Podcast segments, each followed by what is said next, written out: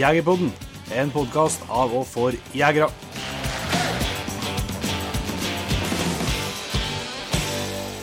Hjertelig velkommen til en helt ny episode av Jegerpodden. Eh, Jon Inge Vik, eh, det nærmer seg påsk.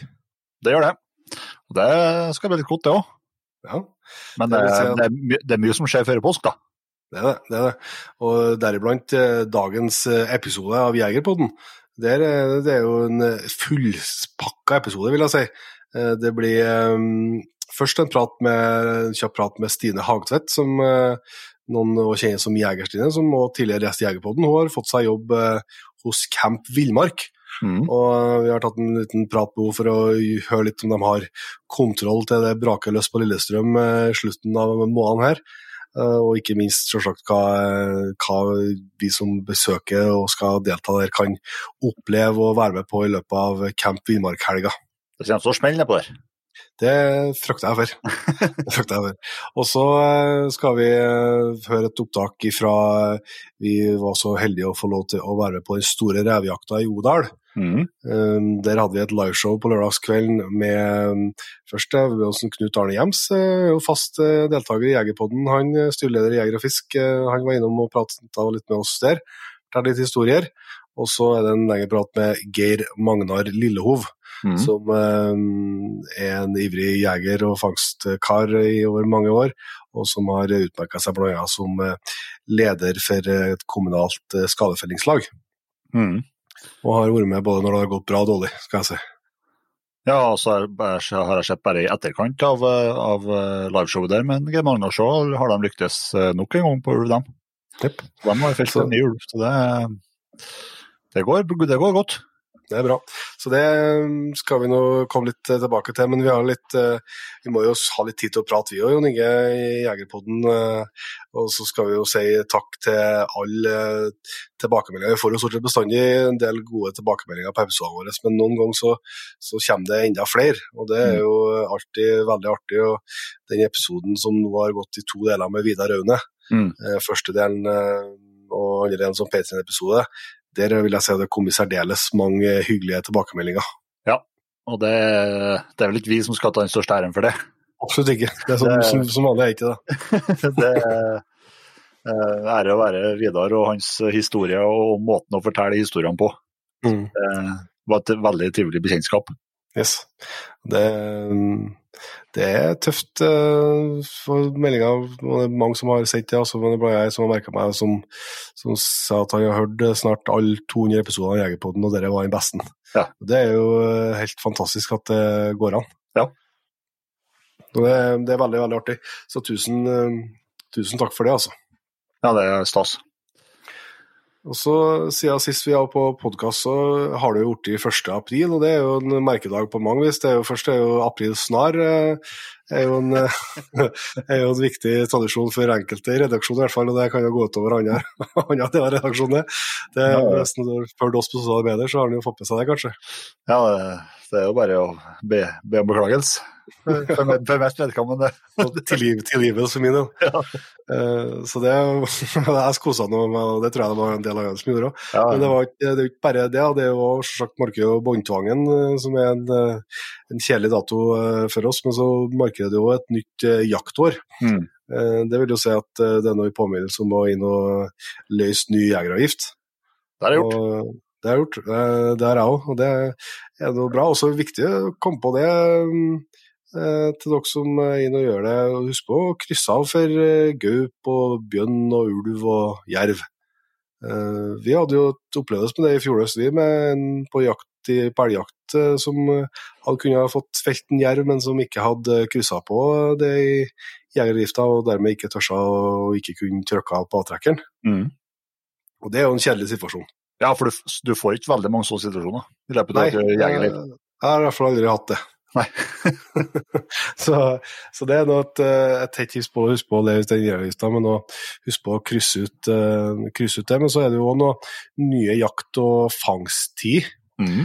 Det har jo vært litt eh, omdiskutert uh, fram og tilbake. Nå skal ikke gå inn på alle detaljene eh, der, for de har ikke sant å si, ikke helt fremst i, i pannebrasken. Men eh, Eh, Det er jo i hvert fall verdt å merke seg at det har kommet noen endringer. Det er vel ikke si, Kanskje for den generelle jegerstanden så er det kanskje ikke så store endringer, men noen endringer er det, så det er i hvert fall lurt å gå inn og, og sjekke litt eh, omkring det, det tror jeg nå.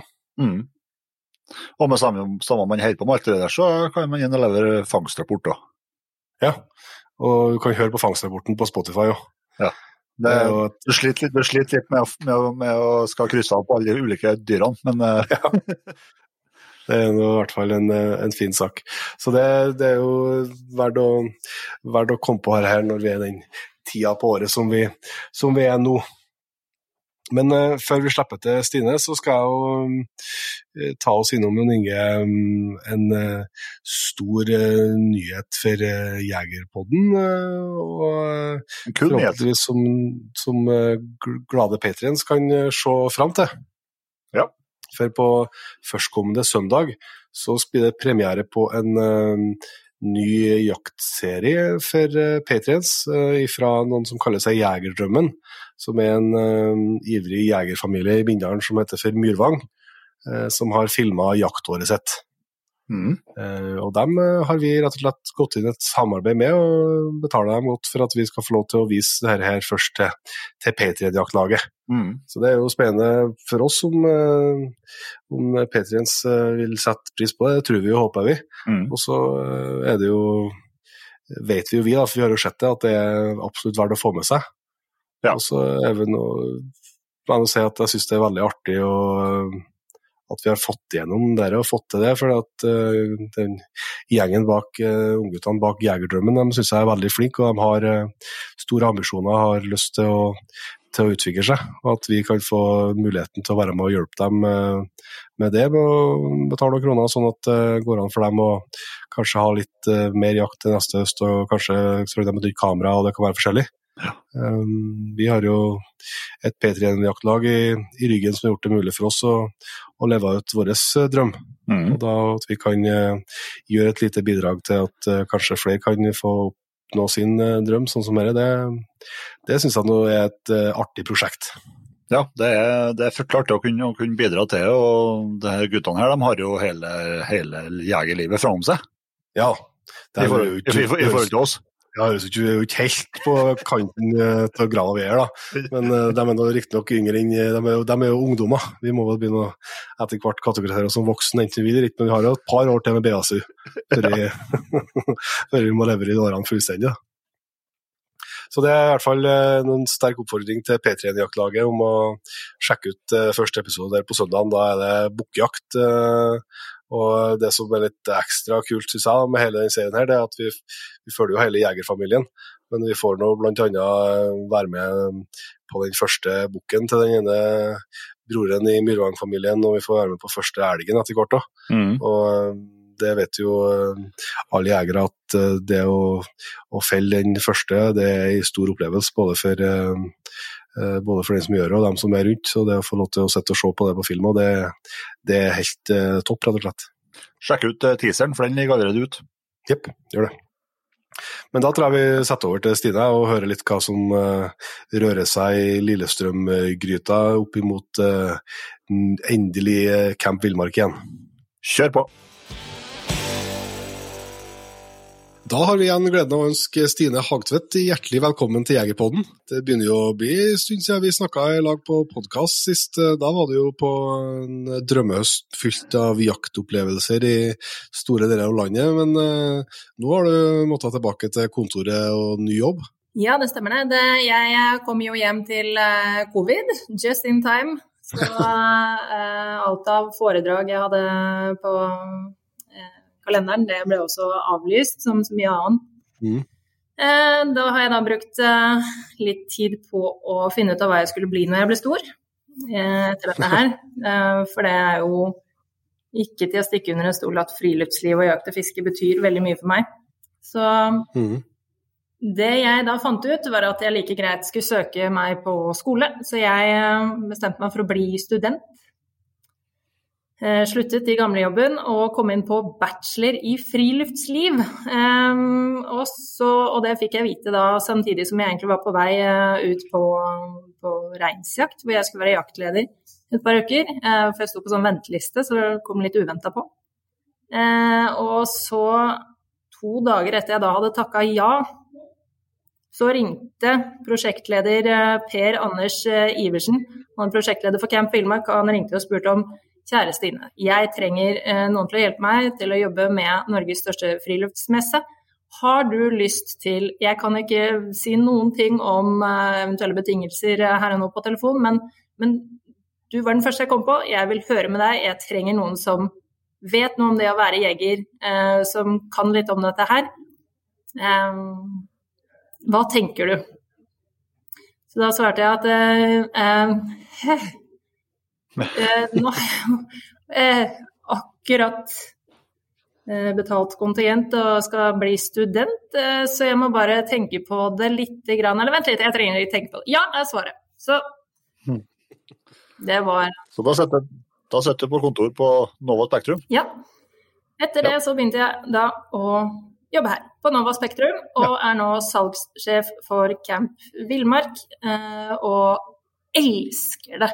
For Du har jo en ganske spesiell eh, historie med Camp Innmark òg, med at var, du har liksom vært der villmarksmessa helt fra, helt fra barnsben av? Ja, det er riktig. Eh, I 1989 besøkte jeg Villmarksmessa på Sjølyst. Den gang het jo da Villmarksmessa. Da var jeg seks år gammel, så var det min pappa som tok meg med dit. Og det ble jo en sånn årlig tradisjon. Eh, jeg tror det er én Altså det er ett år hvor det ikke ble noe av, hvor jeg ikke kunne, men ellers har jeg fått det med meg hvert eneste år. Det har vært holdt siden 89. Og da har jeg også mm. vært her som publikummer, eh, presse, eh, utstiller, foredragsholder og nå for første gang som arrangør, så det her er ganske spesielt for meg.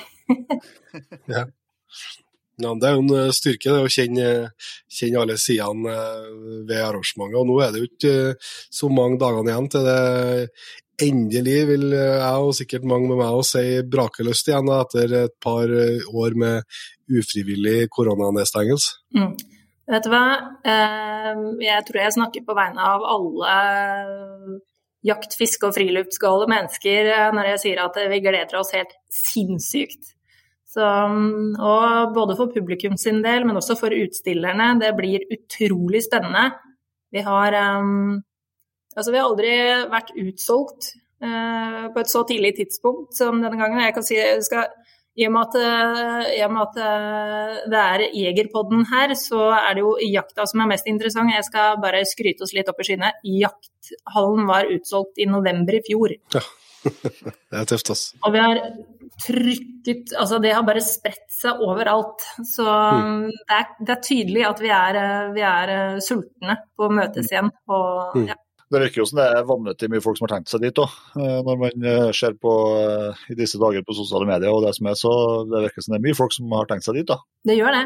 Vanligvis så vil det jo være sånn at uh, de aller fleste kjøper billetter den dagen de bestemmer seg for å dra. For man har gjerne litt sånn, kanskje vet ikke helt i forhold til familie og planer. og Eh, kanskje litt væravhengig. I år så har det vært et eh, ganske høyt forhåndssalg av billetter, og det har vi ikke opplevd før. Det er også et veldig sikkert tegn på at dette her eh, blir, blir bra.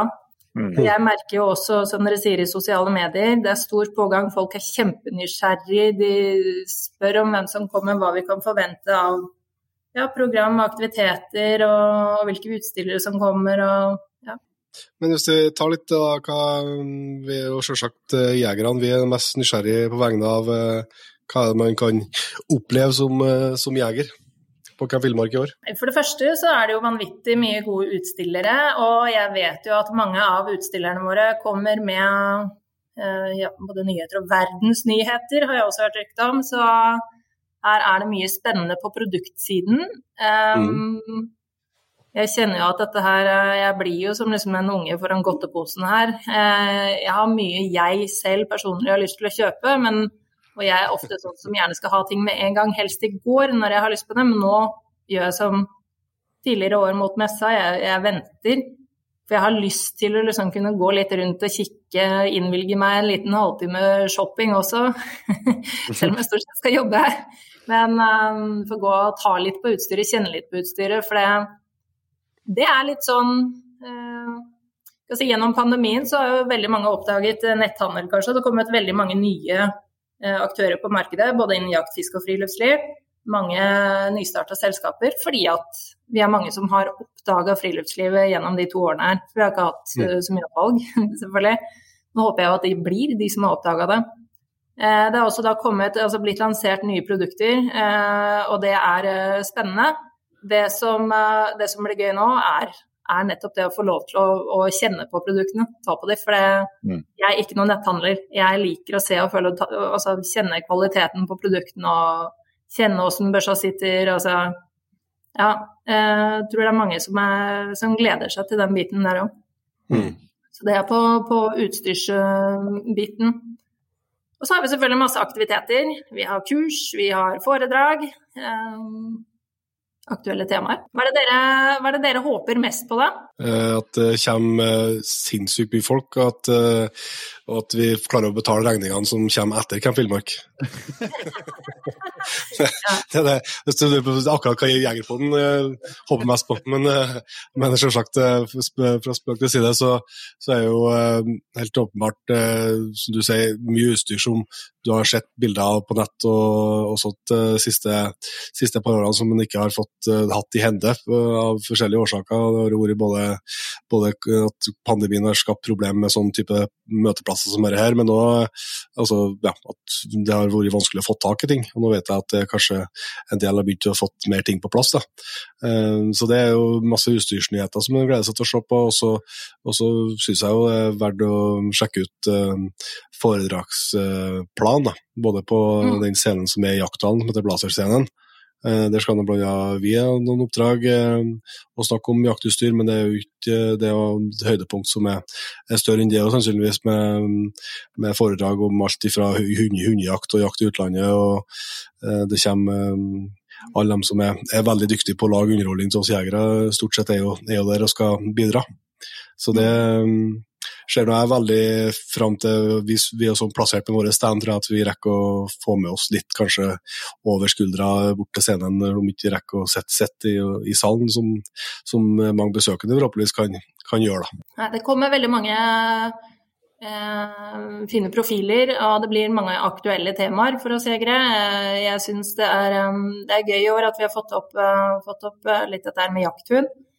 Mm. Så det blir jo litt om fuglehund, det blir litt om innjaging og, av løs på drevet halsene, og elghund med blodsportrening. Vi har jaktfilm. Jeg kan nevne da Kristoffer Klausen kommer, vi har Anette Dahl, det er dere selvfølgelig, Joar Søhol. Lars Monsen hører alltid til på scenen, han også. og utover det så har vi selvfølgelig jegerne representert på Turmatkjøkkenet, som vi, som vi har valgt å kalle det i år. Her blir det spennende matprogram. Eh, det er mm. parteringskurs med Eivind Lurås bl.a. Så har vi en eh, aldri så liten kokkekonkurranse som er ny i år. Eller konkurranse, det blir vel mer et show, som jeg liker å, liker å si, da. Mm. Så litt om uh, vi, uh, vi, vi, vi. Vin og vilt. Vilt til vin, osv. Så masse spennende og relevant. Og så kan du nevne at eh, aktiviteter, der har vi alltid fra pil og bue til skytesimulatorer og skytekonteinere. Uh, jeg hører rykter om at uh, noen av utstillerne skal ha med seg sånn øksekastboks også, så det blir, blir, mye gøy. Nei, jeg gleder meg det er lenge siden jeg har gledet meg sånn til noe som jeg har gjort her, den helga her. Så nei, det er i hvert fall en eh, Jeg ser ikke, ikke noen åpenbare argument for å ikke ta turen. Det kan jeg ikke. Nei, det, det, jo, det, argumentet måtte i hvert fall vært eh, mitt hvis det var sånn at jeg skulle være imot å tegne noe mer på kroppen. Ja. Eh, for jeg har jo lagt ned et aldri så lite veddemål med Per Anders. Mm -hmm. Um, og sagt at hvis det blir publikumsrekord, altså hvis det kommer over 26 000 mennesker. Da skal jeg tatovere Camp Villmark-logoen på armen. Um, og det, det, skal jeg stå for. Nå har jeg allerede starta med boken som jeg har fått tatovert. Um, en eh, fin eh. Og den skal integreres i den dersom, dersom at det viser matte. Så hvis dere ønsker å se meg eh, tatoveres, for det vil selvfølgelig bli direktesendt um, i etterkant, så er det bare å få med seg mor og far og bestemor og tanter og onkler og kompisgjengen og venninnegjengen og ja, Dess flere, dess bedre. Absolutt. Jeg tror vi skal, vi skal oppfordre til at så mange som mulig kommer, så, vi, så man får, får det øyeblikket der ja, med ja. Camp Villmark på armen. Det, det, blir noe, det. Jeg tror, nok, jeg tror, nok, at det blir noe av, faktisk. For det, det, lukter publikumsrekord. Det lukter i hvert fall magisk stemning uansett uh, vi, hvor mange det blir. For det, her gledes det fra alle kanter. Mm. Det er veldig bra.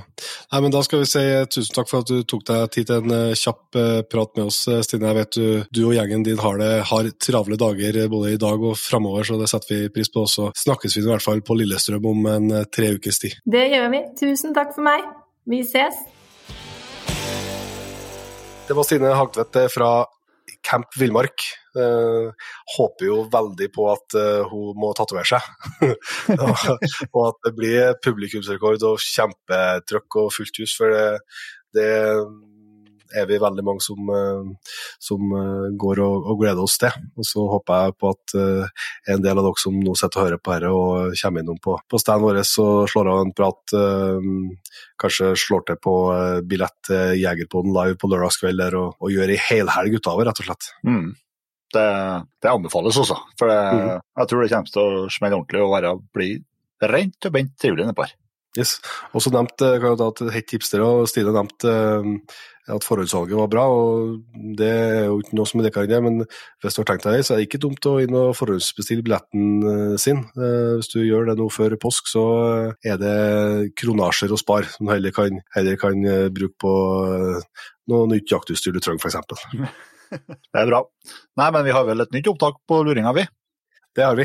Vi satte over til Odalen, rett og slett lørdagskveld og ungdomstid. Og det er Geir, god, stemning. Eh, god stemning og Geir Magne Lillehov og Knut Arne Hjems.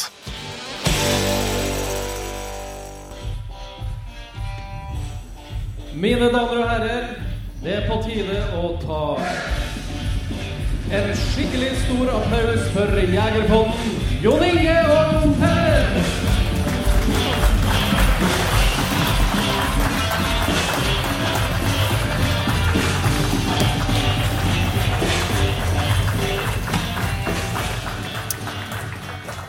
Tusen takk.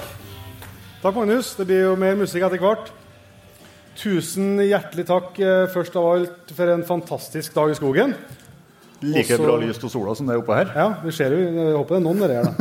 eh, og så må vi passe på først av alt å si tusen hjertelig takk til Nord-Odal jeger- og fiskeforening for et eh, fantastisk arrangement. En enorm jobb.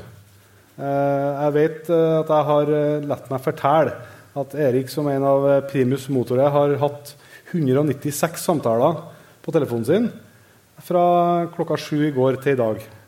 Eh, det sier lite grann om den jobben det er å få til et sånt fantastisk arrangement som dette. Så jeg syns vi skal starte med en stor applaus til hele gjengen.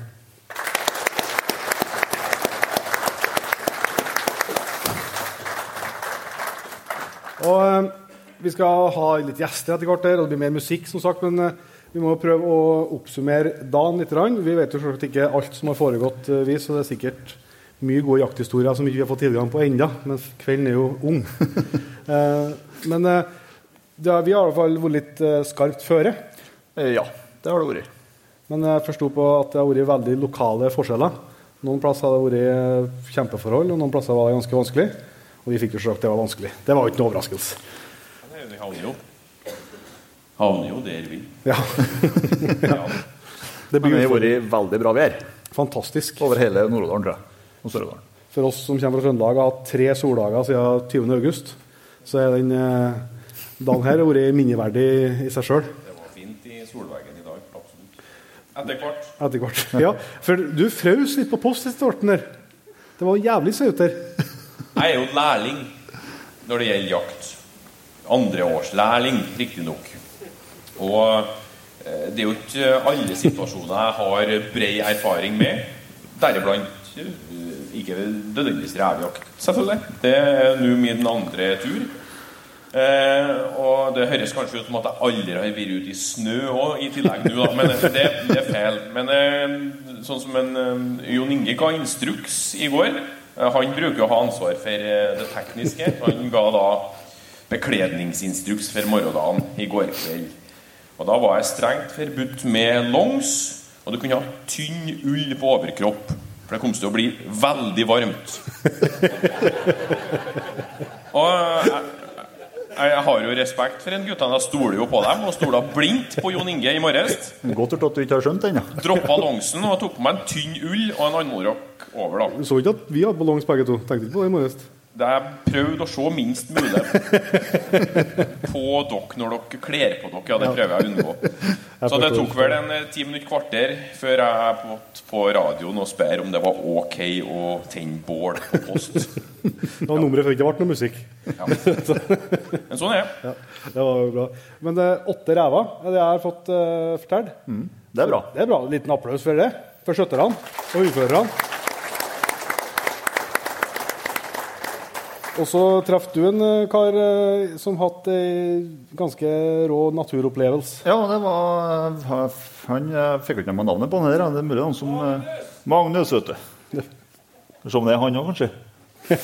Nei, eh, det var en eh, blidspent eh, kar som jeg møtte på veien, ja. Som har hatt en eh, flokk med gaupe eh, fram seg. Skokk med gau. For eh, sin egen hund òg. Eh, Fire i tallet. Ja. Det er ganske Det er en stund til du får den igjen, antagelig. ja. Det, det er bare å nyte den opplevelsen. Det tror jeg han gjorde. da. Han var veldig blid. Var du? Ja, det, det er en sett Magnus. Ja. Nei, det, det skjønner jo alle som har vært mye ute i skogen. og Det er jo ikke så ofte du får lov til å se de dyrene. og Det er jo en opplevelse hver gang. og det er klart Når det kommer fire av dem, så er det vel litt vanskelig å toppe det, antagelig. Men vi skal ha inn litt gjester etter hvert, men jeg tenkte vi skulle ha ei låt til først.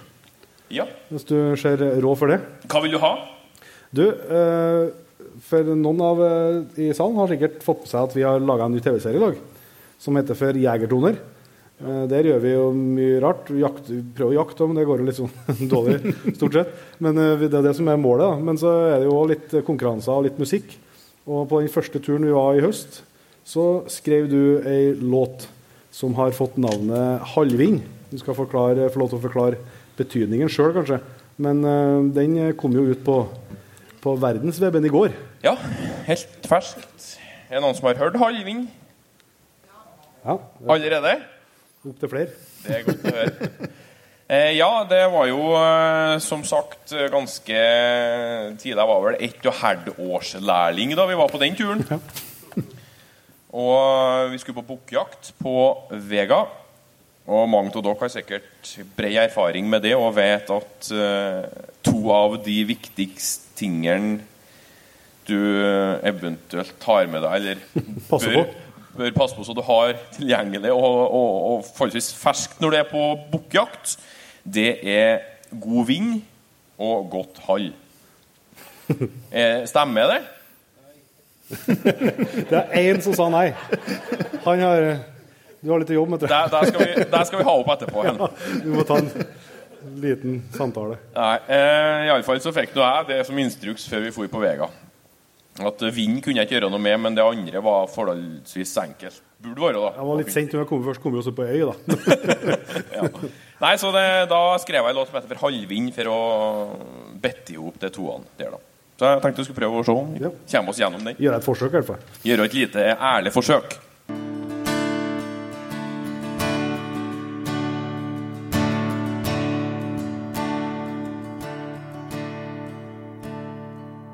Det halvvind mot haust som bles. Jeg sitter stille som støpt, rører kun en pupill. Pulsen spretter opp i trinnløs trapes. Av brøl jeg føler meg vill. Jeg ser gjennom speil, gjennom glass, gjennom hender. Ned har nu skun tru. Sansene skjerpa, rutinene terpa. Alt kan melde seg nu.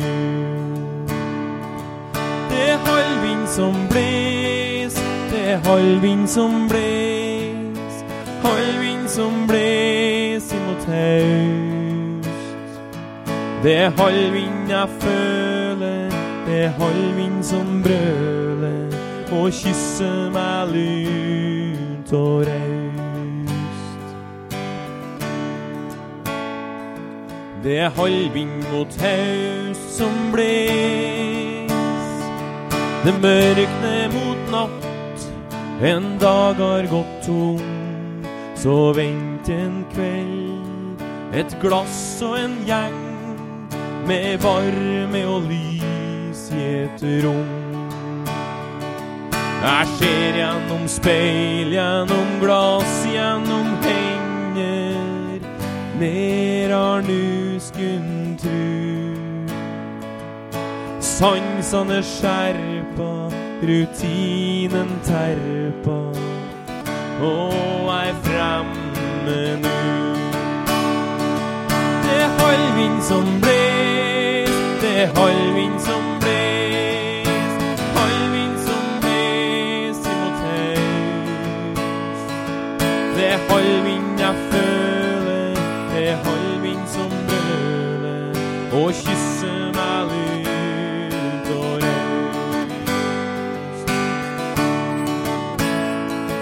Det er halvvind som bles, det er halvvind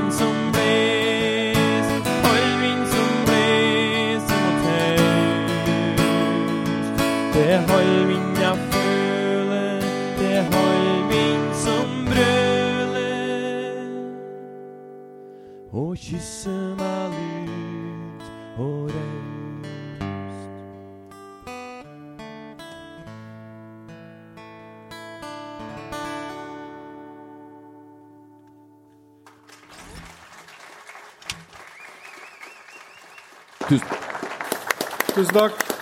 Eh, vi kjører rett på, og så ønsker vi kveldens første gjest eh, velkommen på scenen.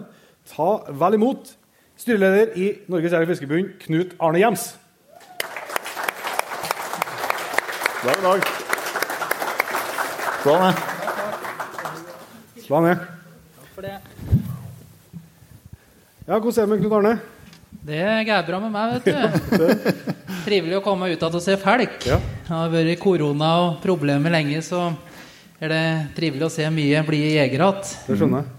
Men det må jo være en opplevelse altså når du har fått et eh, tillitsverv som styreleder i, i en av Norges eh, største organisasjoner, medlemsorganisasjoner, og så få lov til å, å komme og se da, førstehånds eh, hva den organisasjonen er i, i stand til, og hva som fortsatt lever av dugnadsånd i, i dine rekker. Ja, absolutt. Det er jo fantastisk innsats som ligger bak et slikt arrangement som denne store revejakta. Nord-Odal Jeger og Fisk har gjort en utrolig jobb. og Det er mange dugnadstimer som skal til for å lage til jaktterreng og ordne til alt det rundt. Ja. Og så er det det mye det rundt jakta da, som er kanskje er så viktig som selve jakta. Jeg hadde en eldre skytter, han brukte å si at det hadde vært morsomt med så skytterstemme, så han hadde ikke vært for noe helvete skutinga. Og slik er det jo med jakta. Hadde det ikke vært for historien om kvelden og det sosiale, så hadde det jo ikke vært det der, da. Nei, det er, ikke, det er en helhet eh, som er viktig for oss alle sammen. Men eh, når det er sånn dugnadshelter, da, det, er jo, det finnes det jo over hele landet. Eh, det må jo være veldig positivt for jegerne sitt omdømme òg. Ja, absolutt. Det er jo, eh, I Norge da, så er det jo 86% av folk da, har tiltro til at vi utøver jakt på en god måte. Og det er jo liksom, Vi er helt avhengig skal vi få holde på med jakt, da, så at disse beslutningstakere syns at vi oppfører oss på en bra sett. da. Og det, slik som revejakta, så fungerer det jo kjempebra. Det er liksom Vi får holde på i et lokalsamfunn, komme ut mange jegere år etter år, og de møter oss og, og gir oss tilgang. Og det er jo helt avhengig av at folk oppfører seg, og det, det kan den norske jegeren. da. Så det, det er jo kjempebra. Men vi har utfordringer nedover i Europa, så ser vi jo det at eh, jakta er liksom litt på sviktende grunn. Vi ser bare I Danmark så er det nå bare 50% som er positive til jakt. Så vi må jobbe med dette der, altså. For det neste generasjon det er utfordringer. De som er barn og unge i dag, de er jo morgensdagens beslutningstakere. da. Så det å jobbe mot barnehager og skoler og ta dem med ut og, på jakt og gi dem muligheten. Og for de kanskje ikke blir jegere sjøl alle sammen, så får de et lite innblikk i hva dette dreier seg om. da. Og det, det er jo Norges Jeger- og Fiskerforbund en voldsom rolle liksom eh, lokalt. Det er masse folk som legger ned enormt med dugnad og tar med seg unge gutter og jenter ut på jakt, introjakter. Mange hundre introjakter rundt om i landet. Og, eh, så liksom der har vi alle ansvar, og det føler jeg at vi, vi er veldig bra i Norge, da. Og så Vi kan nesten ikke ha deg på scenen eh, i Odalen. Vi må innom litt ulv òg. Ja. det har jo vært masse media og styr og stell eh, i vinter nå. Hva, hva er statusen der nå på prosessen som har vært, og, og det som er veien videre? Ja, først da så mm, må jeg si da at jeg syns liksom at det har fått en eh, eh, bra kontakt med ny regjering, da. Ja. De har liksom ja, Jeg har blitt oppringt når de har sittet med beslutninger og tatt med på råd og slike ting, og det har vært et eh, langt steg i riktig retning. Ja. Og så jo, fikk vi oss en trynsmell da, rett før eh, nyttår, da når jakta skulle starte, at det ble stoppet av domstoler. Og eh, så fikk de det heldigvis i gang igjen, da. Og var jo veldig bra den lagmannsrettsdommen som kom. Og vi fikk jo gjennomført jakta, så vi føler at det er på rett vei, da. Og um, dette handler jo veldig mye om um, politisk påvirkning, den måten vi jobber på. Liksom I koronatida så har jeg liksom ikke kunnet reise på Stortinget og være på møter. Men da har vi jo kunnet ta altså politikere ut til bålet da, og tatt dem ut i skogen og prate med dem. Og det merker jeg utrolig effekt på nå. Når det liksom kommer politiske saker, så ringer de mot og spør om ja, tar dem med på råd. da. Så der har vi tror brukt tida ganske bra. Men eh, vi har fortsatt store utfordringer med ulven og ulvejakta framover. Vi må på et vis prøve å få laga et system så ikke NOAH og WWF kan stoppe jakta rett før jaktstart hvert år med å gå til domstoler. Så nå har vi den politiske prosessen med det. Og så klart at vi må jobbe for å få til en mer og mer forvaltning, for dette er en av de største utfordringene for oss som er glad i løshundjakt. Så klart den ulven lokalt det gir store problemer. Og eh, den her, eh, altså det ble jo utsatt og utsatt da, som følge av den rettsprosessen. Eh, Og så kom jo det til slutt til at man kunne starte jakta, men da var det kort tid igjen. Og så ble det videreført til ei statlig jakt, da, eller uttak. Eh, Hva, hva var bakgrunnen for at eh, det ble eh, sånn? Hvorfor kunne ikke jegerne fortsette? Nei, Vi ønsker jo liksom først, vi ønsker helst at den vanlige jegeren skal få gjøre uttaket. Men når vi kom der da i rundt 1. mars, og da var jeg jo i, i kontakt med politikere, og skulle vi fått, uh, fått utvide jakttida, da vi ønsker egentlig å utvide jakttida ut mars, men det ville ta tre uker da, å få gjort. Altså minimum, Minimum tre uker, Ja. og da hadde vi vært i slutten av mars. da. Ja. Og da hadde det vært fryktelig vanskelig å få det til. Så, så nede i Rømskog så var det jo barmark. Så jeg, når situasjonen ble som den ble, så tror jeg kanskje at det var den beste løsningen. Da, at vi fikk tatt ut eh, i hvert fall de ulva som var. da. Ja. Så, men vi må prøve å komme i gang tidligere til neste år og få vanlig lisensjakt igjen. Så vi, vi kjemper hardt på for det, da. Nei, det er i hvert fall eh, helt avgjørende, altså den kontakten dere har opp imot beslutningstagere. Når du ser eh, Det ble ekstra tydelig, syns jeg, den prosessen der, med når man begynner å nærme seg eh, og så når det skulle utvides jakttid og alt det her.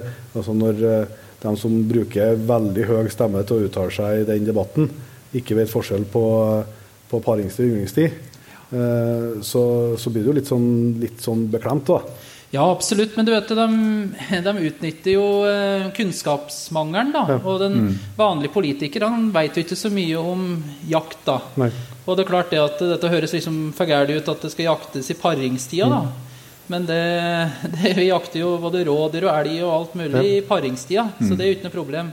Det er jo til og med egne jaktformer tilknytta det. Ja. Så det er jo når de føder unger, da det er vi enige i at da Ja, ja. kan de få være i fred. Men dette er, så dette blir misbrukt. Så da er det viktig at vi kommer inn og forteller hvordan ting egentlig er. Mm. Og så så store demonstrasjoner vi hadde i Oslo for noen år siden, er det mange som tror ikke hadde noen effekt. Mm. Men det jeg er helt sikker på at det hadde kjempeeffekt. For at nå har politikere de ønsker ikke det bråket som var den gangen. Og det er litt ris bak speilet at de vet at vi jegere vi stilte opp, vi gjorde det på en ordentlig måte. Og dette har de respekt for. Det blir jo ofte møtt med, da. Så eh, det, det var viktig at vi sa ifra den gangen. Og det tror vi ser litt, bærer litt frukter av, at vi begynner å komme i gang og få til en forvaltning. For om vi ikke er der vi vil ennå, så er vi på riktig vei, i hvert fall. Mm. Det er veldig bra. Eh, Da har vi jo fått blitt litt smartere igjen og fått litt oppdatering, og det er jo aldri, aldri feil. Men eh, du er jo en gjenganger i Jegerpodden, Knut Arne, og det er vi veldig glad for. Men da vet du jo at det følger jo med et eh, ansvar når en skal stille opp her. Og det er jo at vi, eh, vi skal ha med oss en historie på Ja. slutten. Jeg tenkte jeg måtte ta i til Odalen. da, så Jeg har jo vært mye i skyttermiljø og jaktmiljø, og da er det mye gode historier. da, så jeg var, jeg var liten, så var jeg med storjugarmestere på Finnskogen. så da hørte jeg jo mange, da. Og I skyttermiljøet så er det mye gode historier, så jeg får ta i først da, fra Kongsvinger, det er nærområdet. Ja. Det var på landsskytterstevnet i Kongsvinger i 1955. Da eh, var det en eh, fra Hoff. Han heter Kolbjørn Oppi, da. Og da hadde de lå de like teltleirer da, i hadde knapptelt. da. Og da de stelt opp en Kolbjørn at det var veldig bra å ligge med dama si natta før han skulle skute. Så Kolbjørn han reiste hjem til Hoff og hentet kona da, i moped og sidevogn. Og eh, kom tilbake til Kongsvinger, og, og teltduk- teltet gikk opp og ned hele natta. da. Og da titta hun kona oss ut om morgenen da han bustet og fæl og sa det har blitt en Kolbjørn sjettekonge i år, det ikke mye, skulle sa. Ja. Det blir noe historie. Ja, men må, hele familien må stille opp sånn er jo. Ja slik er det. Det har blitt familiemedlemskap i Jeger og Fisk òg. Ja da, vi har det. Vi får håpe det blir noen nye revejakter her i Det blir nok. Det blir nok. Det er bare bra føre i Odalen. Vi skal si tusen takk til deg, Knut Arne, for at du stilte opp eh, igjen. Det setter vi stor pris på. Og fortsett den gode jobben for eh, oss alle som er glad i jakta. Tusen hjertelig takk, og lykke til videre. Da skal vi eh, ønske kveldens andre gjest velkommen på scenen. Ta vel imot og stor applaus til Geir Magnar Lillehov. Geir Magnar, jeg vet at eh, noen i salen de vet eh, godt hvem du er. Men eh, for dem som ikke gjør det, du må starte der. Hvem er Geir Magnar for noen? Ja, det er en gammel returbukk fra nabobygda Velset. Når jeg sier returbukk, så er det for så er det fordi jeg begynner å bli så skjelven, så jeg henger henge rifla på veggen forholdsvis snart, tror jeg. Eh, ellers så er jeg snart 67. Eh, jeg er egentlig ikke sånn eh, voldsomt jakter hele livet. Men jeg har vokst opp eh, på en liten gård i Velset der far min var lidenskapelig elgjakter, og bror min jakte det meste. Sa jeg elgjakter, så sa jeg feil. Han var revejakter først og fremst, en far. Jakta hare, tiur, så lenge det var lovlig å skyte på leken og ete på i artig sånn. så er nå født der og bor ikke så langt unna per i dag og har arbeid 20 år i landbruksforvaltninga og 30-35 år hos den som nå er statsforvalteren. IT-mann. Og da lurte han jo finne på noe i det virkelige liv, så da har jeg drevet med mårfangst, og så har jeg jakta elg stort sett, og siste åra har det vært hovedsakelig rovvilt. Ja. Og i området her så betyr det først og fremst ulv. Hvor, eh, du sa at du var ikke helt fra barndommen, da, men du hadde jo jegere rundt deg. Men når begynte du å jakte sjøl? Jeg begynte faktisk ikke å jakte før jeg var 30. Jeg fikk luftporsche som tiåring. Ja. Og etter å ha satt ei pil i vømmerstakken på ei gammel kjerring på gården hjemme, så ble det, Ble det konfiskert? da ble det våpeninndragelse en periode. Det var vel høyst rimelig, tror jeg. Og så skjøt jeg en trost, da. Og det var jo noen forferdelige greier, så da tok jeg litt skrekken. Nei, jeg fischer altså, sånn i ungdommen, først og fremst. ja Men Hva var det som gjorde at du til slutt eh, endte opp med å liksom ta det og begynne jakt? da? Jeg, ble, jeg var jo litt i noe skytemiljø, drev mye med miniatyr og ble presset med på elgjakt, mer og mindre. For det mangler en mann. Det var ikke så store lag av den tida. Vi var et firemannslag. Ja. Jakte mot Odalen her, forresten. Årkjølen, Gås, Gåsvassdalen, dere som er kjent oppi der. Det var debuten. Ja. Du ble hekta da når du først begynte, eller? Det var forholdsvis fort gjort. Jeg er ganske grei å ha med å gjøre slik. Lett påvirkelig. Ja, altså gjorde vel Har kanskje hatt en ganske normal jegerkurve. Det begynte litt smått og pent. Forsiktig. tok noen år før vi skjøt noe elg. Ja. Og så løsnet det, og så gikk det fryktelig svært noen år. Jeg skjøt det meste av det vi hadde på kvota, og det var nesten det samme jeg gjorde. Jeg gikk ut av koia, gikk en stand og satte meg, gikk en tur med bikkja. Riktig elg kom det raklende, så den datt så det var så lettvint, så. Syns jeg. Ja. Da blir en gjerne litt overmådig, og så går det da gjerne litt galt på et tidspunkt. Og så da blir du reservert igjen noen år. Ja. Da Ja, for du, du fikk smak på det litt? Du fikk smak på det litt? Jeg gjorde det, da, vet du, for det var et år Da jaktet vi rett øst for 24. her, litt nord av Malungen. Uh, og jeg satt på post, og en bikkjekaren drev med en pigger. Og i det vide og brede nå helt ned på 24, men det gikk time etter time, og det meste var kjent. Men plutselig så kom denne her piggeren ranglende framme meg. På ei lita myr der. God post, forresten. Og ikke kom han fort og stoppe jorden og litt sånn ugunstig til, som de gjør av og til. Det var litt trangt imellom noen grove furuer som sto der. Det var ikke noe problem. vet du, som hadde skutt som elg i noen år. Det en 30-40 cm mellom altså furuen kanskje i 60 meter øl. Og furuen var like bort ved elgen. Ja. Men akkurat treffpunktet, det var helt rent. Fikk jo se det da jeg hadde opp på Sogn i kikkerten at de lå farlig nære andre furua på venstre Mm. Så jeg hadde litt ekstra fokus på det, og satt på noe siktestand sikkert. Og tok tidenes avtrekksfeil. Raske til og skjøt i furua på høyre side, så det var helt kvitt bortover myra av flis. Jeg hogg jo ti teltkniven og hengte på jakka mi, men det hjalp jo ikke stort for det. Det var ganske avslørende på myra der.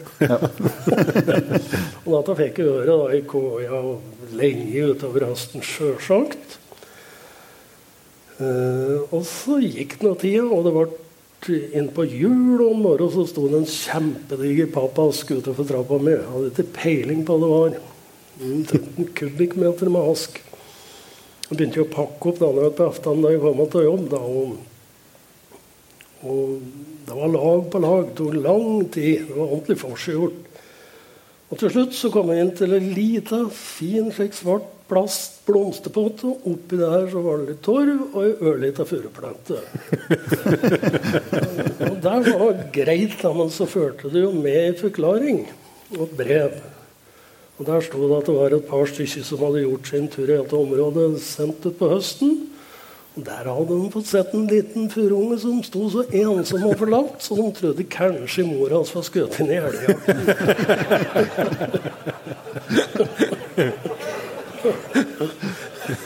og da var sjølsagt jeg den nærmeste til å ta med han. Du måtte ta ansvar, rett og slett. Ja, ja, og det, er- det er slik som du husker, så da, da blir du kanskje litt mer hardklemt uh, framover en stund. Da, i hvert fall. Vi, vi gjør jo research uh, så godt vi kan på gjestene våre, og da har vi prata med en som tipsa oss om ei gullkua. Kan det stemme? det? Ja, gullku, det er jo et begrep, da. Altså, mange steder, bl.a. på Romdalselvmenninga, der jeg har jaktet i alle år, så har det noen vektgrenser. Vi, har, vi jakter jo på ungdyr, kvige? Så er det noe som heter kuge. Det er da ei to og et halvt års kvige inne, litt lang i snyttskaftet. Og så er det noen toleransegrenser. Jeg husker ikke helt hva de var, men den tida så tror jeg det var 160 kilo, og da var det litt sånn ekstrapris. Og hvis jeg bikka over 180 eller slik, da var det dobbeltpris. Det var liksom så vi skulle holde hatt litt, da. Og jeg satt eh, på en post og hadde ingen bikkje den tida sjøl. Og etter mye om og men så kom det ei ku ramlende opp i ryggsekken min, bratt nedover en liten ås. Jeg fikk jo høre da, så jeg fikk da snudd meg rundt, og ikke var det lange hull, 30-40 meter kanskje. Og det som er spesielt med elgen, da den kommer nedover bakken, det skal de passe dere for. Og det er jævlig bra, så kryper den opp. Og han blir så liten, nesten som en kalv.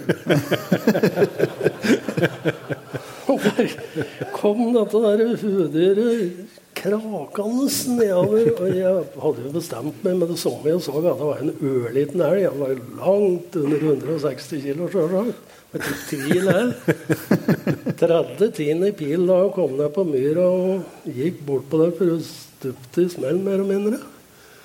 Og jeg ble helt glåmøgd, vet du. Det var jo meter på meter med rygg bortover myra der. Flate for et krekk. Kjempeku. Kørsvart. Da kom en av oss andre jakter, og da bare tok han med i neven og 'velkommen i klubben', sa han.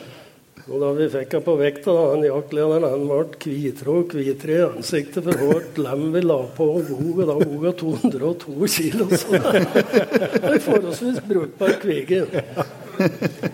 Der er det sikkert mange nedi her som har vært kommer til å komme at det er ikke så greit. Men eh, det gjelder er det er at jeg skyter ikke på hudyr som kommer bratt nedoverbakke noe mer. Aldri gæren. Det har lært det på den harde måten. Ja. Eh, Du sa at eh, du hadde en, eh, en far som var lidenskapelig revjeger.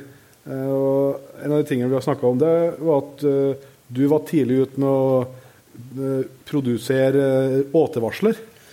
Det var revevarsler versjon 1. Antageligvis en gang eh, ja, rundt 70, litt etter 70, tenker jeg. Som sagt, han var jo fryktelig ivrig revejakter. Både med og ut av bikkje. Og den tidas bestandsregulering var jo inne å ta hia, da. Og unga. Jeg kan jo diskutere etikken i, men som Som var da? For å regulere bestanden, så er det særdeles effektivt. Og det, det var helt vanlig da. Men dette var noe annet. da. Han skulle skyte en rev for, uh, på Åte. Rett over bygningen der han bodde på sine gamle dager. Og jeg var litt teknisk interessert da som nå, så vi rigget til en varsler. Jeg tror kanskje hun hadde lys der òg. Det var en lyskaster. Og så var det åte, da. Det var ei høne. Og så var det ei snor borti en eh, globoidask som jeg hadde festa til en stubbe. Der satt en slik en liten bryter som det var på Lampetta i gamle dager. Slik snorbryter, vet du. Det var liksom utløsermekanismen. Og så var det kabel inn på huset, 20-30 meter unna. Og det var mer enn 30, men en far hadde gjæra nå en FN Browning. Ja. Halvautomat. Og da snakker vi om litt hull, altså. I forhold til det som regnes som akseptable haglhull i dag. Trangbare vet du, går jo som rifle omtrent. Hvis du klarer å lufte opp av. Og ja, så skal han få ta sikringa på dette der òg. Det er jo kapittel for seg. Men nok om det. Det var kabel inn på huset. Og så hadde jeg fått tak i sånn gammeldags ringeklokke, dørklokke. Det var et jævlig leven. Batteridreven. Monterte på soverommet. Rett over huet på han. Men så måtte han jo ha mulighet for å stenge av denne, Ja. så han bryter til. Og med ei snor som hang i buet liksom over sengegavlen, som den kunne raske i den og bli kvitt dette der eh, fæle ringinga. Dette skal jeg si dere fungerer, altså.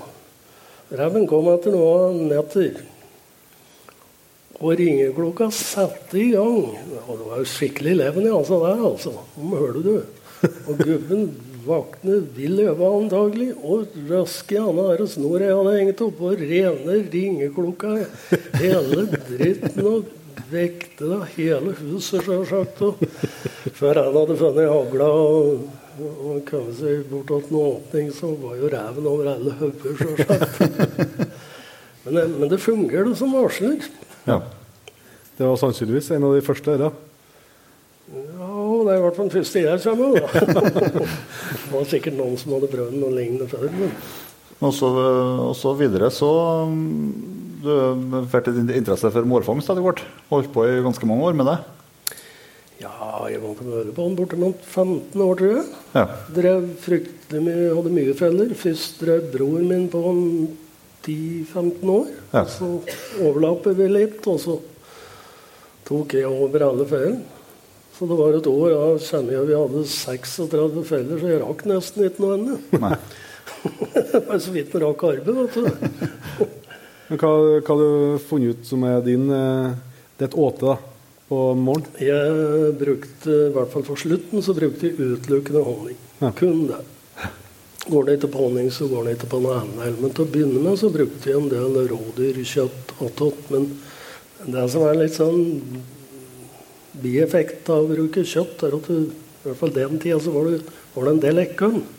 Og ekorn besitter en fryktelig vondt i når han begynner så bøyla sitt oppunder bakbena på. Han henger der og stresser seg, da, så det er liksom ikke noe kjempetrivelig. Og for de trøste seg med at for rekke ekorn jeg tok, så hadde kanskje morgen til 100. Ja. Men eh, da, da sluttet jeg med kjøtt, og fikk ikke noe mindre mål av den grunn. Nei. Men det var den her mårfangsten som vekka interessen din for, for, eh, for større rovdyr òg, skal jeg si. Ja, jeg, jeg tror kanskje det er for når du går der og seg for skier og, og være seg disse i så, så har du på en måte litt tid til å følge med på hva som skjer i skogen. Og du, det er på vinteren, og det er spår og eh, Det var en del gaupespor, særlig utover på 90-tallet, for da hadde det vært fredig i fryktelig mye år. Ble vel åpna til 96, tror jeg. Og ei- ei ganske tvilsom fredning for øvrig så lenge. For det som skjedde, var jo at gaupa gnog jo rent skogsområdet her for, eh, for rådyr, selvsagt. Og trekte enda mer ned mot bygda. Og nede i bygda var all reven skam. Så jeg tror kanskje det var i 3-94 vi måtte fanne at å avlive tre-fire gauper. Det var en familie som hadde skabb. Og, og da fungerer på en måte ikke foreninga etter intensjonen. Det ble eh, for lenge, rett og slett. Og sjølsagt, det var vel første gangen jeg så uh, ulvespor òg, tror jeg. Det var rett østover Malungen. Kilometer oppi der, kanskje. Eh, litt forskjell på gaupe og ulv i forhold til mårfang. Ø- Ulven gikk systematisk forbi alle fjell. Men den tida, så Ja, ja, liksom ulv. Det var nesten litt kuriositet og nesten litt spennende så artig. Ja. Der er vi kanskje ikke lenger. Men den tida, på slutten av 80-tallet, så, så kjente jeg litt på det. Men det må jo ha, det må jo ha, ha grodd, grodd noe bra i deg ettersom også med mårfangsten og så ble interesse for gaupespor og, og ulvespor. Og, for du, nå har du sittet som leder i Skalltingslaget i Stange i ti år. Ja, jeg tror det er ti år og Det ble kanskje siste året. Ja. Litt ut ifra at jeg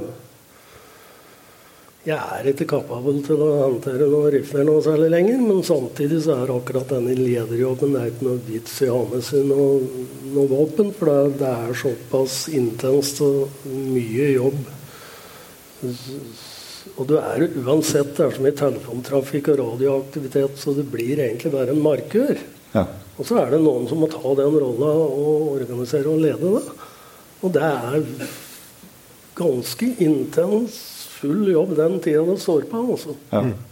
Men du trives godt med den rollen, du? Ja, det er jo Jeg gjør jo egentlig det. Og, og, og sjøl om kanskje ikke det at du tar ut en ulv eller noe annet rovvilt er noen stor jaktopplevelse, så når du lykkes med dette, så er det jo alltid et resultat av et ganske så finpolert uh, samarbeid. Og, og, og når det fungerer og går på skinner, hele maskineriet, mm. så er selvsagt det ganske artig. Ja, for du har vært veldig opptatt av eh, både organiseringa og lagbygginga i, der, eh, i skadefelling og lisensjakta. Mm, Ja, det har gått noen kaffekopper og noen kryngebeter gjennom året. At dette er ting som tar tid. Nå fungerer det rimelig bra herover. Vi opererer mer eller mindre som et eh, felles lag på tvers av administrative grenser, i dette tilfellet kommunegrenser. Og, og slik lyter det egentlig vare, for dette rovviltet er ganske vidtrekkende. Jeg nevner nevne F.eks. den vi felte på lisensfelling i 2012. Den fant vi igjen en kveld eh, inn på Rommersjølmeldinga. Og så fikk jeg beskjed like etterpå at de hadde fæla han baksporet i Løten. Mm. Så gikk han gjennom hele Stange eh, og til Åndalen her, sjølsagt. Og Sør-Odalen. Nei, snudde til Skobygda. Gikk tilbake, og da har vi jo passert en del kommuner. Og det er noen mil. Vi begynte med den på onsdagskvelden og skjøt den på søndag, tror jeg det var. Ja.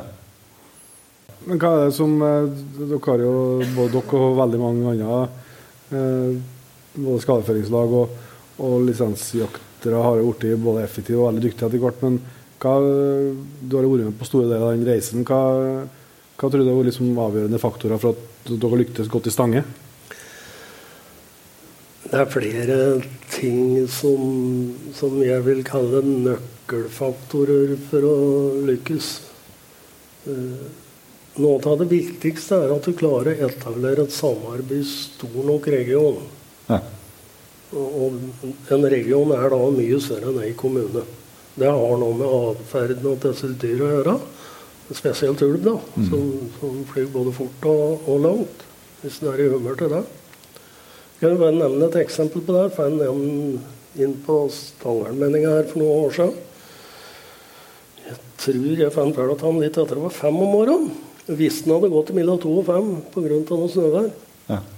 Og den nådde vi til opp før vi var oppe i Grønnkjelen mot Heradsbygda i akkurat på delet Elverum-Våler.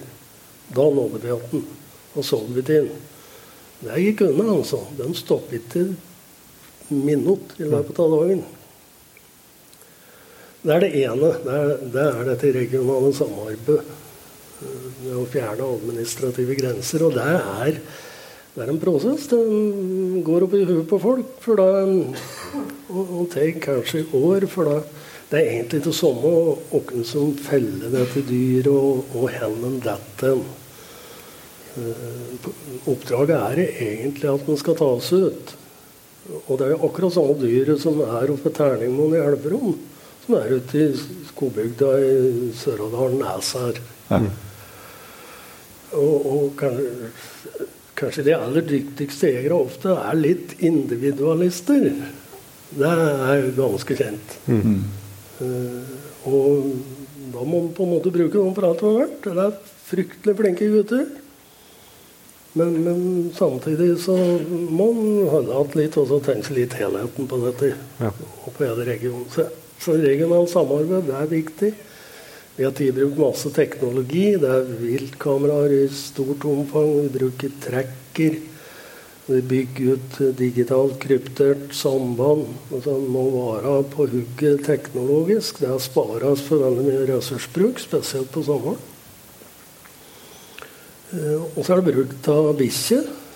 Både spårhund og løshund. Vi har dispensasjoner på skadefelling da, for, å, for å bruke dem på drev løshalsende hund, som det heter. Mm.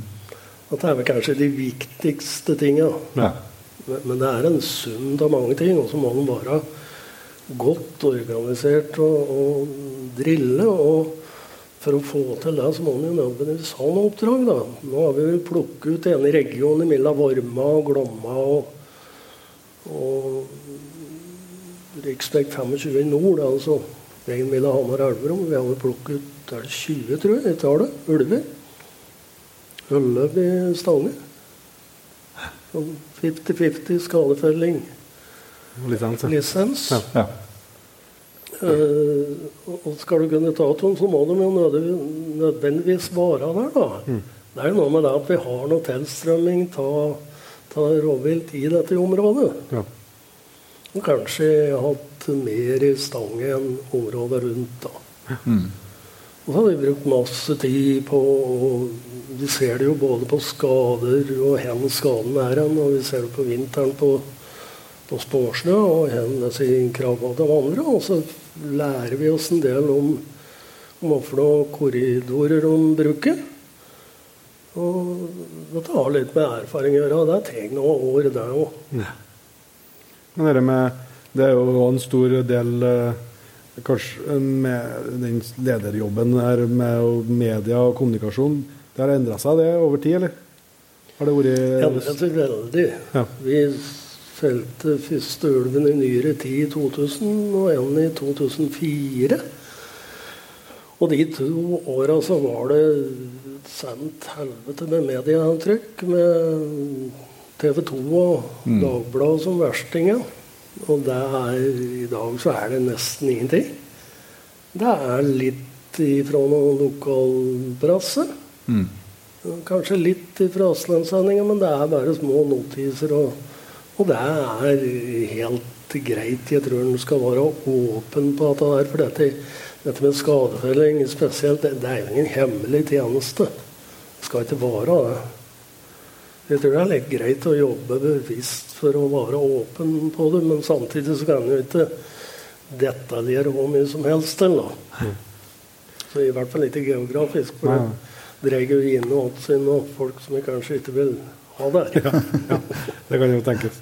Men uh, du sa jo at det ikke nødvendigvis er de største jaktopplevelsene uh, knyttet til skadefelling og lisensjakt. og Det kan jeg jo forstå at uh, målsettinga med den dagen i skogen er annerledes enn når det er på ordinær jakt. Men, men likevel så må det være uh, noen av fellingene på ulv som du husker bedre enn andre. Det er det selvsagt. Og det er en ulv som vi kjenner spesielt godt. For vi visste at den var i området. Og vi hadde en skadefellingstillatelse at den var tidlig på. eh, Det var nok i mai. Ja, det var rundt 20. mai. Og vi hadde en observasjon av synsobservasjon på kvelden. Og det var en gammel særing på småbruk, godt vant med dyr. Ingen grunn til å tvile på det. Vi hadde sett den ganske lenge. Ellers er jo synsobservasjoner akkurat det det er. Det er stort sett helt i prekønn til barnevogner. Det er, bare slik. Og så tar vi det på en måte alvorlig uansett. For hvis du ikke følger opp, så slutter folk å si ifra. Da har vi egentlig tapt. Så det er vi ganske påpasselige på. Men nok om det. Vi hadde denne i observasjon, og vi gikk der med ei bikkje om kvelden. Fikk ikke noe spåropptak. Fant tre år i en skygge der vi trodde den hadde krøket under.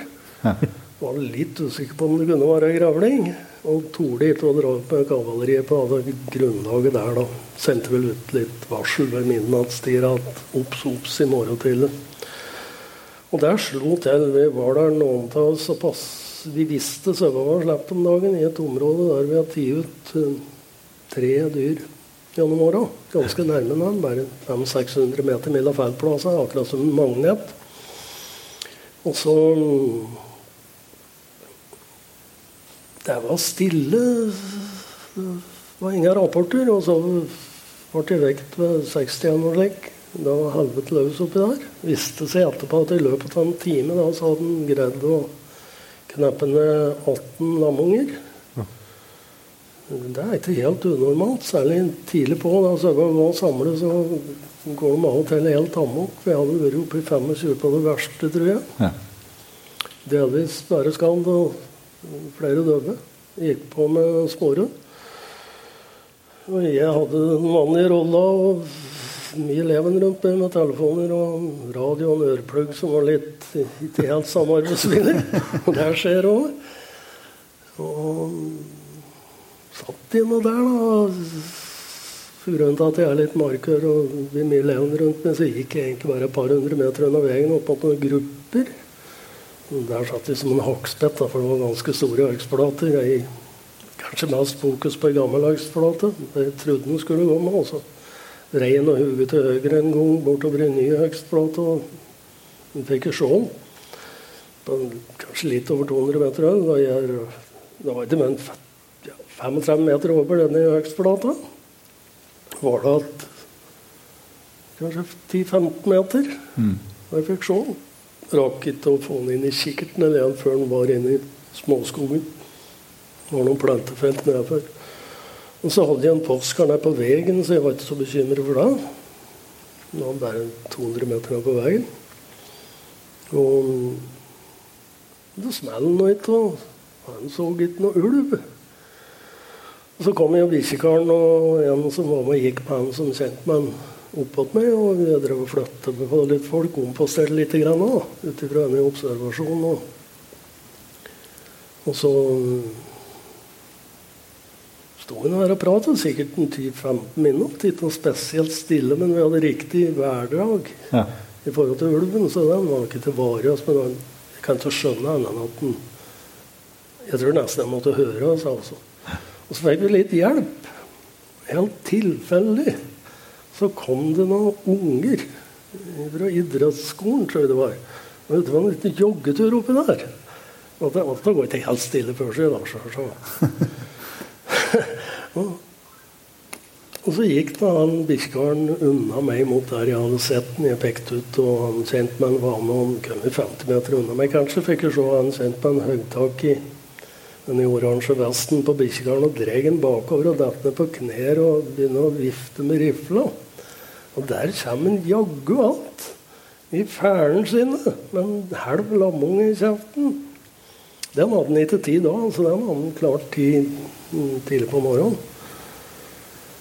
Eh, Nå kom han ikke lenger, da. Men eh, det var litt spesielt. Jeg satt der liksom som en sensor. Det tror jeg er ganske sjeldent. Ja, jeg skjønner at den eh, Observerte. Ja. skjønner. Vi har jo prata med noen eh, som kjenner deg, og du nevnte det med viltkamera. Eh, At dere har satser satset stort på det, og de skal jo delvis sjekkes om natta. Vi har fått rapporter om at det er fruen i huset som sjekker viltkameraene. Ja, ja, jeg har mye dårlige kamerater. hadde ikke hatt det, så hadde vi vel ikke hatt noen, kanskje. Og det er, det er litt riktig, altså, for det er Skal en drive med dette her, da litt en ha en eh, spesiell type samboer. det tror jeg kan si. Ja. Litt bare ualminnelig tålmodig. Eh, for greia er at eh, jeg har et jævlig godt sovehjerte.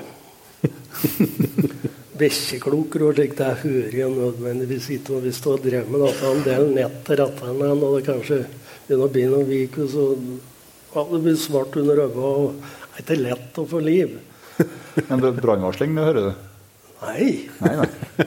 ikke der. Nei, og man minner meg på at nå, nå hopper jeg litt til sida, for det greia var at eh, hjemme så har vi en hel røs med seriekobberhjul brannvarslere. Ja. Det er jo kjempefint. Eh, Tror jeg.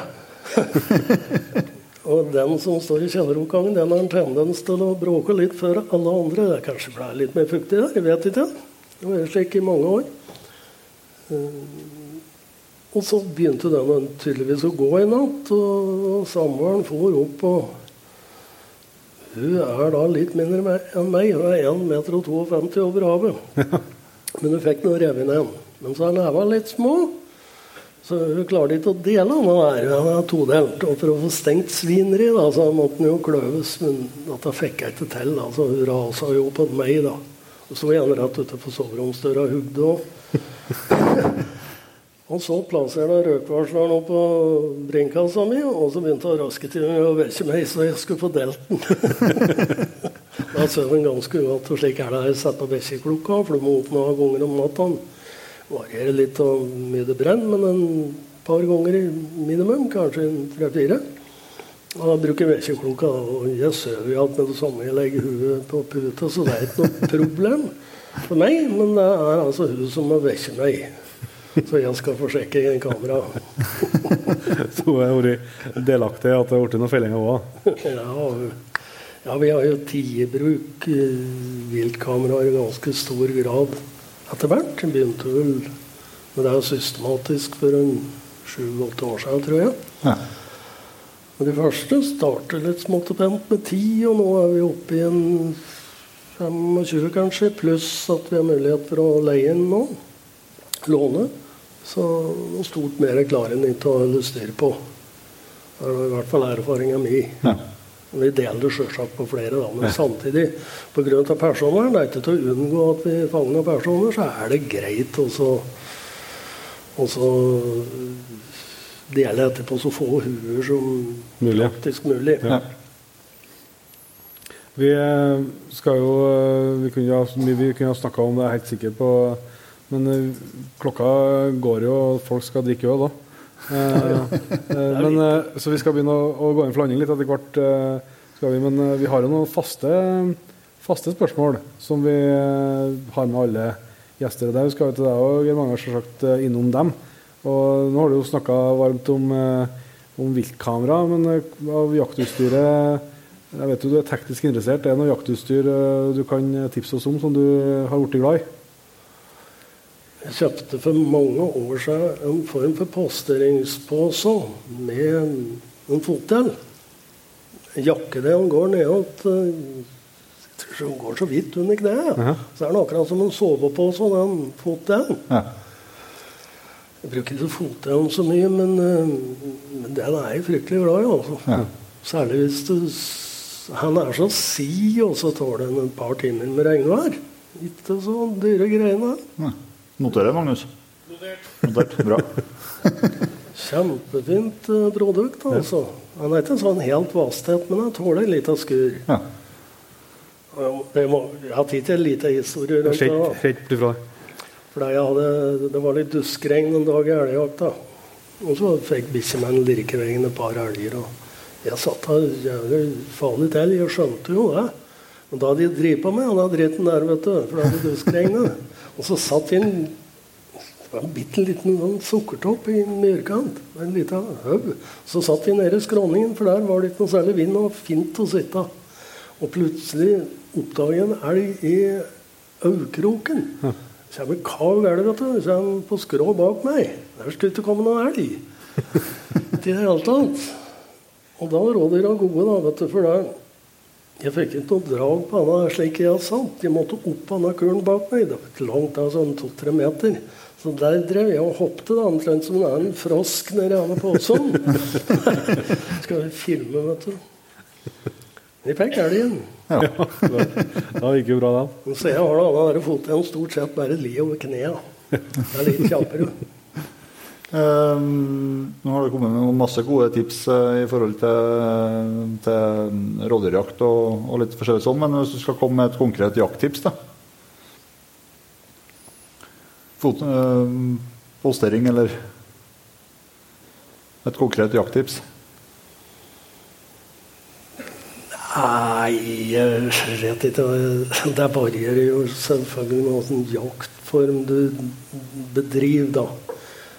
Men eh, jeg har jo sett det de siste åra da vi har hatt dispensasjon og brukt eh, løshund eh, i forhold til ulv. Og, og kanskje kommer du fort litt på hæla. da Dårlig mobildekning trekker opp av dere sitt, og du blir liggende litt på hæla. Og, og ting foregår fryktelig fort. Mm. Disse bikkjene her har inne ganske bra marsjhastighet. Og så blir det til at vi bruker veldig mye veiposting.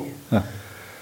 Og det er sjelden på slike dyr, for så vidt andre dyr òg, at veiposting er noe særlig optimalt. De kommer som noen kuler, og det er eh, rett og slett elendige skattesjanser. Så det jeg tror vi skal fokusere litt på framover, det er eh, å være litt flinkere til å gå til veien og inn i skogen, for der er tempoet godt lavere. Selvsagt er det mye trær du kan skyte bort til, men eh, får ned farten, så har du Du ser dem på en måte på lengre avstand enn denne her firemetersglenda tvers over en vei. Vi har hatt mange veipasseringer av ulv som rekker til å få opp våpenet, altså. Og skulle den få opp så blir det gjerne et dårlig resultat. Et, eh, kan jo være et godt tips for både den jaktformen og for andre, tror jeg òg. Men har du noen jaktdrøm eh, som du ikke har fått levd ut ennå? Nei, egentlig ikke.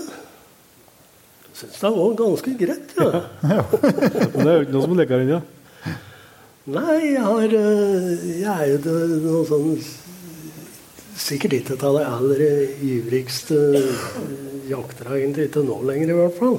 Den endrer seg med tida. Ja. Altså, da 30-40 år og av artig og skyte elg og brukte masse tid på dette her. Og, og nå kan jeg veldig godt slippe forbi med en elg. Altså, det er ikke noe livsviktig å få elg av dyret lenger. Det skal ikke rare unnskyldninger til for å la det være. For å si det rett ut. Det er mye arbeid. Ja, det starter jo med arbeid, da. Men eh, også har jeg skutt ei, gaupe på en fryktelig artig jakt. Mm. 2010 var det vel. Og da var vi ganske lite mennesker. 13-14 stykker av oss. Og det var 7-8 av oss som så gaupa. Fantastisk jaktopplevelse. For veldig Altså 50% synsobservasjoner den jakten, det er innafor. Ja, Det var en artig dag. absolutt. Så jeg er i godt fornøyd. Ja, det er bra, det. det er bra. Og så skal vi jo eh, helt på tampen her få med oss ei jakthistorie til. Da. Vi snakka litt om bakrommet. Da hadde du noe om revjakt fra Vestlandet?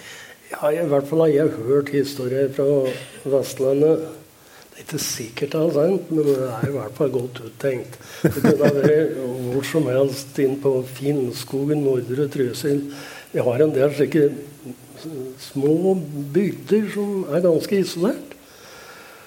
Og dette var et slikt sted i en eller annen fjelldal på Vestlandet. Vegløst. Der bodde det et gammelt ektepar med to sønner. De var eh, ungkarer, kanskje ikke så rart.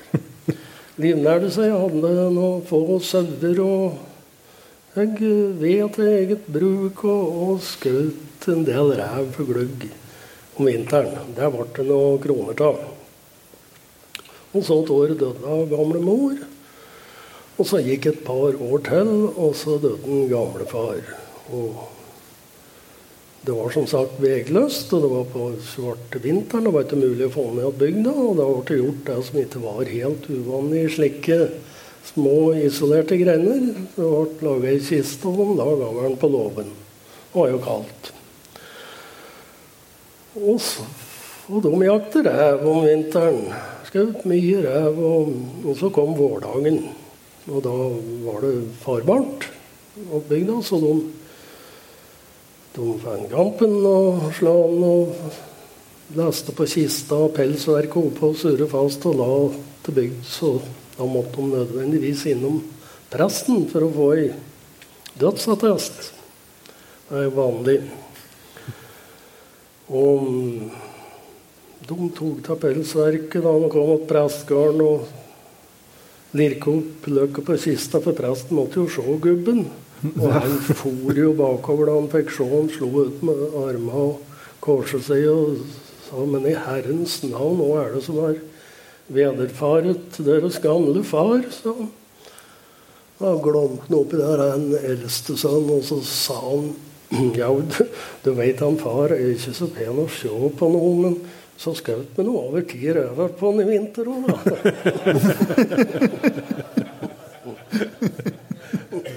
Veldig bra. Vi skal runde av litt uh, musikk, vi, Magnus, hvis du uh, kommer opp på scenen i lag med oss. Uh, vi skal selvsagt takke av en Geir Magnar skikkelig etterpå her. Og så skal vi begynne med å si igjen tusen takk til, til Nord-Odal jeger- og fiskeforening, som eh, har gjort dette mulig, at vi fikk lov til å komme. Det setter vi jo kjempestor pris på. Og ikke minst at vi får lov i lag med alle andre her eh, delta på, et, eh, på en sånn jakthelg. Og eh, noe som eh, har kommet hjertet mitt nært når det kommer til, til jakt eh, og får fram de rette følelsene eh, rundt jakta for min del, det er en sang som eh, du har også skrevet i forbindelse med serien vår, som heter for Jegertonen. Så jeg tenkte vi skulle eh, prøve oss på den. Ja.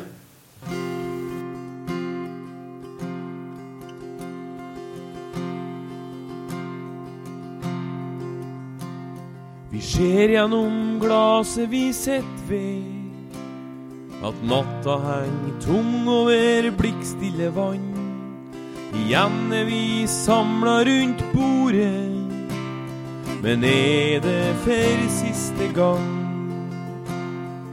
Varm inntil beinet av flammen, stolt inntil sjela, fordi herre har vi laga sammen. Jegertronen er fri. Det brenner i en kubbe, det knitrer i takt. Her finnes ikke hovmod eller forakt. Jegertonen i rommet Den syng hvem vi er, den syng at vi har latt lidenskapen bli livet. Jegertonen er klar. Vi tror på et liv før i døden. Vi har bare ett, og vi skal ha effekt. Men treffer vi Herren i himmelen, skal vi fortelle både fyldig og bredt. Om røy og tiur, om treff og bom. Om alle dem vi naila og dem som ikke kom. Om håpløse situasjoner. Om formfagre flommende fossebrus. Om østavinds invitasjoner til elskov i fjelluftas rus.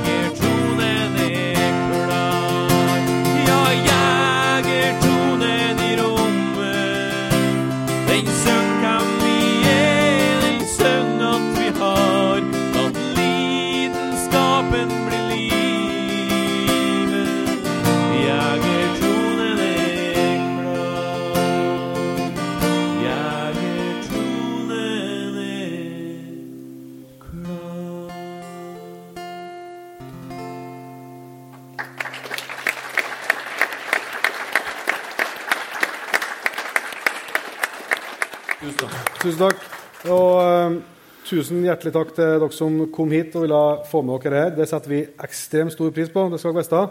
Og tusen takk til Knut Arne Hjems, og en kjempeapplaus til Geir Magnar Lillehov.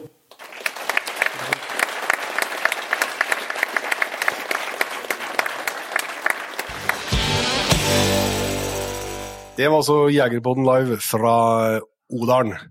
Det var jo en eh, kjempekveld, eh, og vi kosa oss nå på scenen. og Det virka som de som satt i salen og hadde det bra. Det var i hvert fall det vi fikk høre etterpå. Eh, og det var artig slått igjen å prate med Knut Arne. Det er alltid trivelig, men uh, Geir Magnar og et veldig hyggelig bekjentskap, og en kar som hadde mye å både meddele og gode tanker omkring uh, det her, spesielt kanskje med, med ja, litt den jaktlederrollen og, og det å, å lykkes i, i lag eh, som, eh, som et jaktlag. Mm. Nei, det var veldig bra. Og så er det selvsagt eh, eh, Vi har jo fått eh, noen ganger eh, høre at vi kan være vanskelig å forstå, og at andre trønderdialekter som kan være vanskelig å forstå. Og her er jo dialekt som jeg òg slet litt med å forstå innimellom. Ja. Men det går an hvis en konsentrerer seg. Ja da. Når det konsentrerer seg, så går det an å høre den en gang til.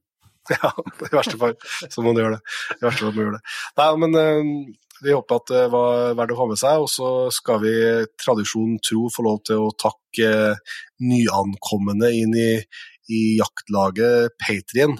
Som eh, både får tilgang til Det var faktisk regna opp, eh, det er over 25 ekstra episoder i Jegerpodden som Mhm. er tilgjengelig. mm, Og der er det mange, veldig mange godbiter, vil jeg si. Eh, Alt fra Jons til Jonas Oppdal, og du finner eh, Robert Salomonsson og Børge Ausland og Vidar Aune og en hel masse gode opptak som du absolutt burde få med deg. Mm. Og du får jo eh, litt jaktfilm, som vi var inne på i starten her. Så det er mange nye her som kan se fram til, til det. Da vil vi si tusen hjertelig takk til Lars Erling Koksvik, Geir Stenvold, Øystein Kvernes, Nikolai Sandberg, Jonny Sørland, Håvard Sætermo, Steinar Gjersvold, Idun Haugstulen Olsen, Jørgen Pedersen, Martin Stene, Martin Odne, Uh, Marius Hansen, Sondre Sløgedal, Rigmor Rønning. Oddbjørn Stiklestad. Øystein Dybdalsbakk. Jens Inge Gjære. Steinar Trondsetås. Espen Siversgaard. Jan Gunnar Gulla. Niklas Fjellhaug Løfrot. Alexander Viksund. Christian Evenhus. Tore Moen Foroden. Are Hellangsvik. Morten Stegedal. Alexander Hansen. Guri Kvernmo Aune. Jon Kvernmo. Uh, Steven Øyhovden. Og Jo Hove. Tusen hjertelig takk til alle dere. En fantastisk rekke med nye patriens. Det setter vi utrolig stor pris på. Og selvsagt takk til hele Patrion-laget som er med oss uke for uke, måned for måned, år for år, og gjør dette her mulig. Det er vi nok evig takknemlige for. Men da tror jeg vi skal begynne å runde av, eh, og så skal vi bare nevne at eh, neste uke så er det jo eh, langfredag. Mm. Når det tikker fredag på igjen på kalenderen. Og da er det ikke noen ny episode av Jegerpoden den fredagen, men fredag etter er vi selvsagt tilbake igjen med en gang. Ja. Vi har, påske, Liten vi har påskeferie. pås- påskeferie, rett og slett. Ja, så får vi eh, snakkes over eh, påsk. Vi sier som vi bruker, gjør vi jo Nigge til neste gang. Vi høres!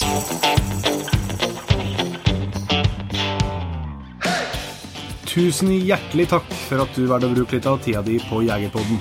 Sjekk ut jegerpodden.no eller din favoritt favorittpodkastspiller for enda mer innhold og flere episoder. Følg også Jegerpodden på Facebook og Instagram, og ikke minst, husk å fortelle alle gode venner, familie og tilfeldige forbipasserende om Jegerpodden, sånn at vi får spredd det glade budskap videre. Vi høres.